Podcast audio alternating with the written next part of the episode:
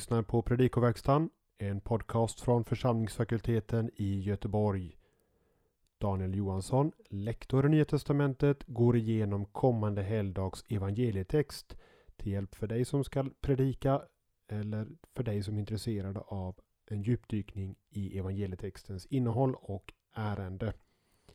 För mer information om församlingsfakulteten och hur du kan stötta arbetet gå in på www.ffg.se. Men nu Daniel Johansson. God lyssning. Första årgångens evangelium på apostladagen är Lukas 5, 1-11. Och vi ser som vanligt först lite närmare på den grekiska texten. Lukas inleder typiskt med egenetode och det hände. Detta följs sedan av en infinitiv konstruktion som uttrycker tid. En to ton ochlon epikeistai auto kai akoen ton logon to theo. Preposition och artikel en to följs av två infinitiv plus ackusativ. Ordagrant. Och det hände när folket pressade sig emot honom och hörde Guds ord. En Histos är en perifrastisk pluskvamperfekt men eftersom det handlar om verbet histemi översätter vi med imperfekt. Han var stående, det vill säga han stod. Notera sedan att Lukas använde limne, sjö, om den vattensamling som Matteus och Markus brukar kalla thallassa, hav. Limne är en mera begränsad vattensamling och avser väl normalt en sötvattensjö. Limnologi är för övrigt studien av inlandsvatten eller färskvatten. Vi går fram till vers 2. Dioploja hestota paraten limnen. Eh, det betyder ordagrant två båtar stående längs sjön. Man får ju anta att de står eller ligger som vi säger på svenska längs sjöns strand. Imperfektformen eplynon innebär att fiskarna höll på att tvätta näten.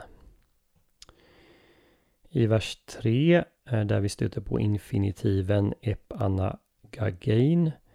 Eh, det betyder föra ut från stranden men troligen avses så som Bibel 2000 översätter att han ska ro ut. I vers 4 eh, fungerar participet lalon som ett infinitiv när han slutat tala. Lägg sedan märke till att Eh, det imperativ som följer, det första av dem, förut, står i singularis och är riktat till Petrus och att det andra, chalassate, sänk ner, står i pluralis, riktat till alla som är med Petrus.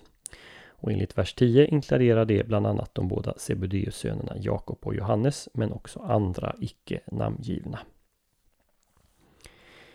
I vers 5, eh, vokativen epistata, den betyder mästare eller chef eller liknande. Det är en överordnad som avses.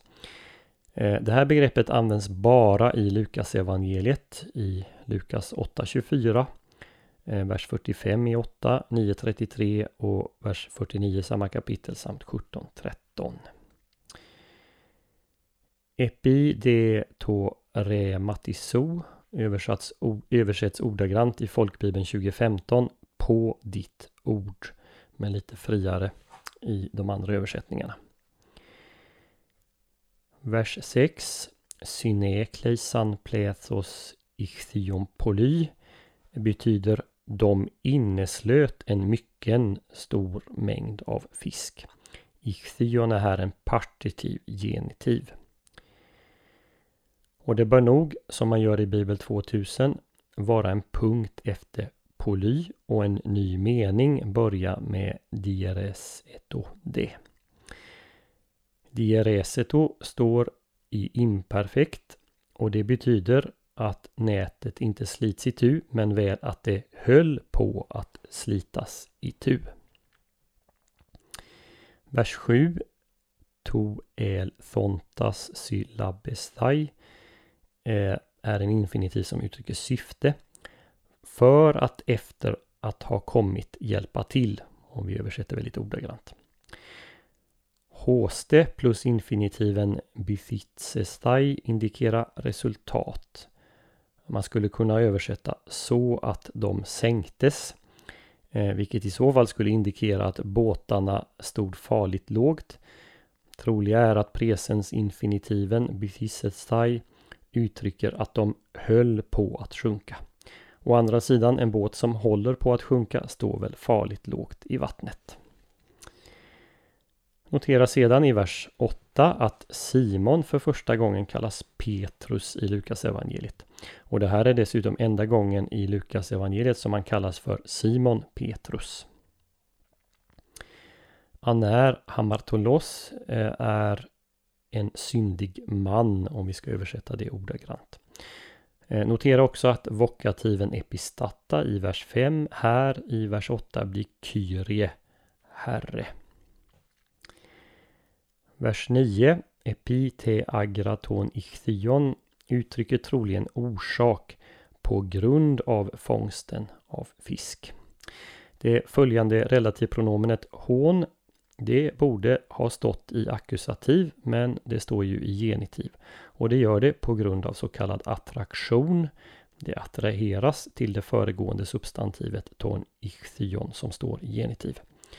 Den här eh, typen av konstruktion, attraktion, den förekommer mer än 50 gånger i Nya Testamentet och är särskilt vanlig hos Lukas. I vers 10 introduceras Jakob och Johannes för första gången i evangeliet. Och i samma vers esse eh, så, Eh, förlåt, så eh, grån. Eh, det är en, en perifrastisk futurum. Du kommer att vara fångande. Du kommer att fånga. Verbet eh, sogreo. Det avser att något fångas levande. I vers 11 när verbet katago används i en nautisk kontext som här, då avses att en båt förs i hamn eller till stranden. Och till sist eh, participet kataontes, det är temporalt medan det följande participet auxiliaurist affentes uttrycker omständighet och vi översätter efter att ha fört båtarna i land lämnade de allt och följde honom. Man kan dela in den här läsningen i tre delar på följande sätt. Att vi först har en bakgrundsinformation där Jesus undervisar från Petrus båt i de tre första verserna. Det andra avsnittet beskriver den mirakulösa fiskfångsten, verserna 4 7 och eh, det tredje svaret på miraklet bekännelse och sändande, vers 8 11. Men det finns också en kiasm med en inledning och sju delar. Båten lägger ut och Jesus undervisar. Eh, det motsvaras av hur båten kommer in och lärjungarna följer efter Jesus. Jesus uppmanar Petrus att fånga fisk. Det motsvaras av hur Jesus lovar Petrus att han ska fånga människor. Petrus talar eh, till Jesus med viss arrogans motsvaras av hur Petrus talar till Jesus med ånger och så i centrum själva fångsten av fisk. Den här kiasmen finns utskriven i pdfen till den här podden på FFGs hemsida. Eh, det kan tilläggas att liknande retoriska kompositioner där ett mirakel beskrivs i centrum av en kiasm, det finns i Gamla Testamentet i till exempel Jesaja 41, 16-20. Eftersom centrum i kiasmen är fiskundret kan vi börja med att kommentera fisket i Galileiska sjön. Petrus och hans kompanjoner hade fiskat hela natten. Det gjorde man för att fisken då rörde sig i sjön för att äta. På dagtid brukade den gömma sig under stenar. Vidare var och är det så att fisken brukar samlas runt strömmar och källor längs med stranden där syrerikt Eh, vatten rinner in i sjön. Sjön är för det mesta brant längs stranden och det är farligt att simma på många ställen.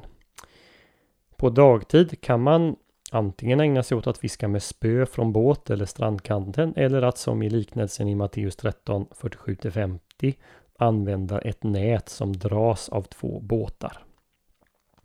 Men alla fiskare vet att riktigt framgångsrikt fiske äger rum på natten och att det i första hand sker längs strandkanten där faskvattnet kommer in i sjön. Att en landkrabba från Nasaret, Jesus, befaller en erfaren fiskare att på dagtid sänka näten avsedda enbart för nattfiske på djupt vatten och dessutom efter en natts misslyckat fiske. Eh, mot den här bakgrunden så är det här helt absurt och löjeväckande. Man kan förstå Petrus protest och ändå gör Petrus som Jesus säger. Hur kan det komma sig? Jesus måste redan ha gjort kraftigt intryck på Petrus genom sitt ord.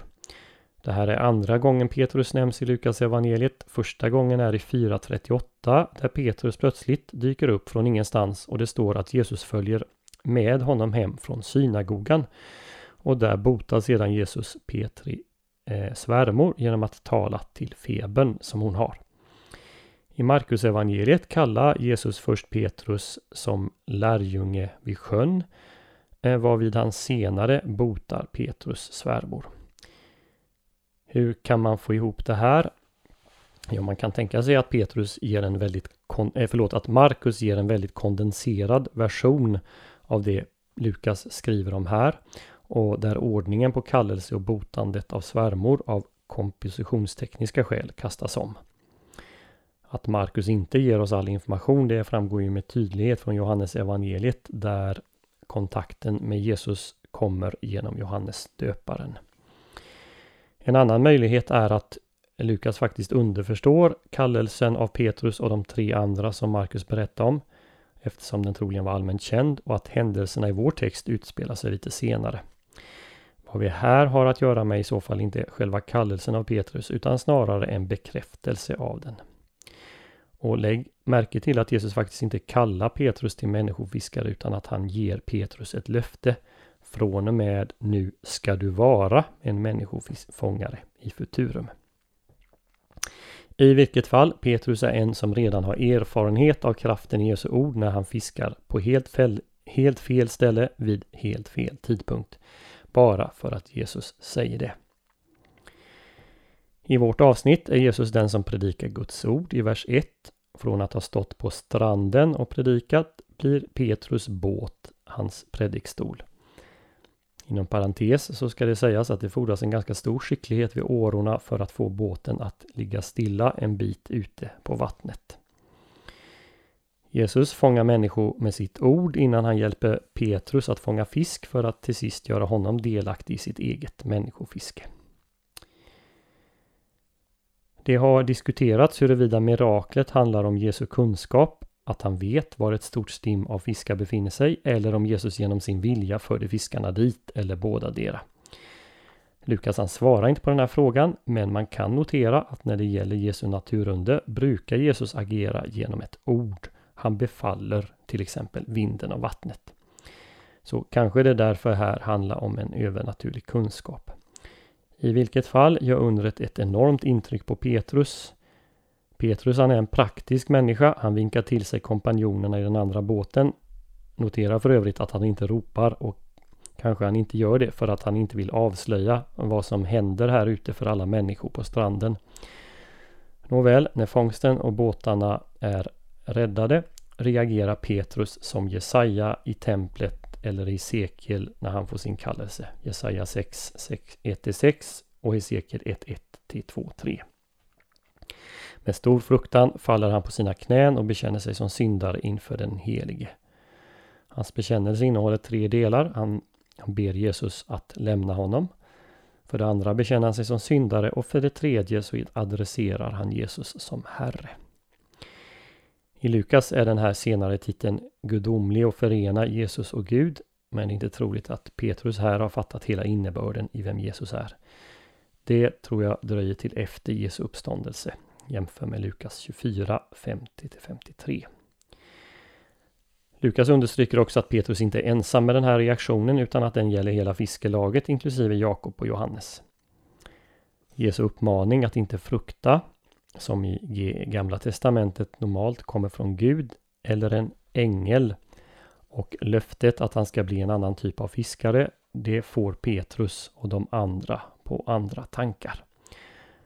Och lägg nu märke till hur Petrus gör valet mellan Gud och mammon eller Gud och pengarna. Han har fått sitt livs drömfångst. Han har fått sin jackpot. Jesus har visat honom en källa där det finns rikt med fisk som ingen annan känner till. Men ändå, mötet med Jesus har i grunden skakat om Petrus. Där och då lämnar han allt bakom sig och följer honom som predikar Guds ord. Till sist notera hur Jesus vänder sig till Petrus genom en genuin begäran om hjälp. Han behöver en prediksbåt. Jesus använder ett jordiskt medel, den materiella världen, Petrus yrke, för att nå fram till honom. Och där avsides i båten når Jesus till Petrus innesta. Medan Petrus fångar fisk fångar Jesus Petrus.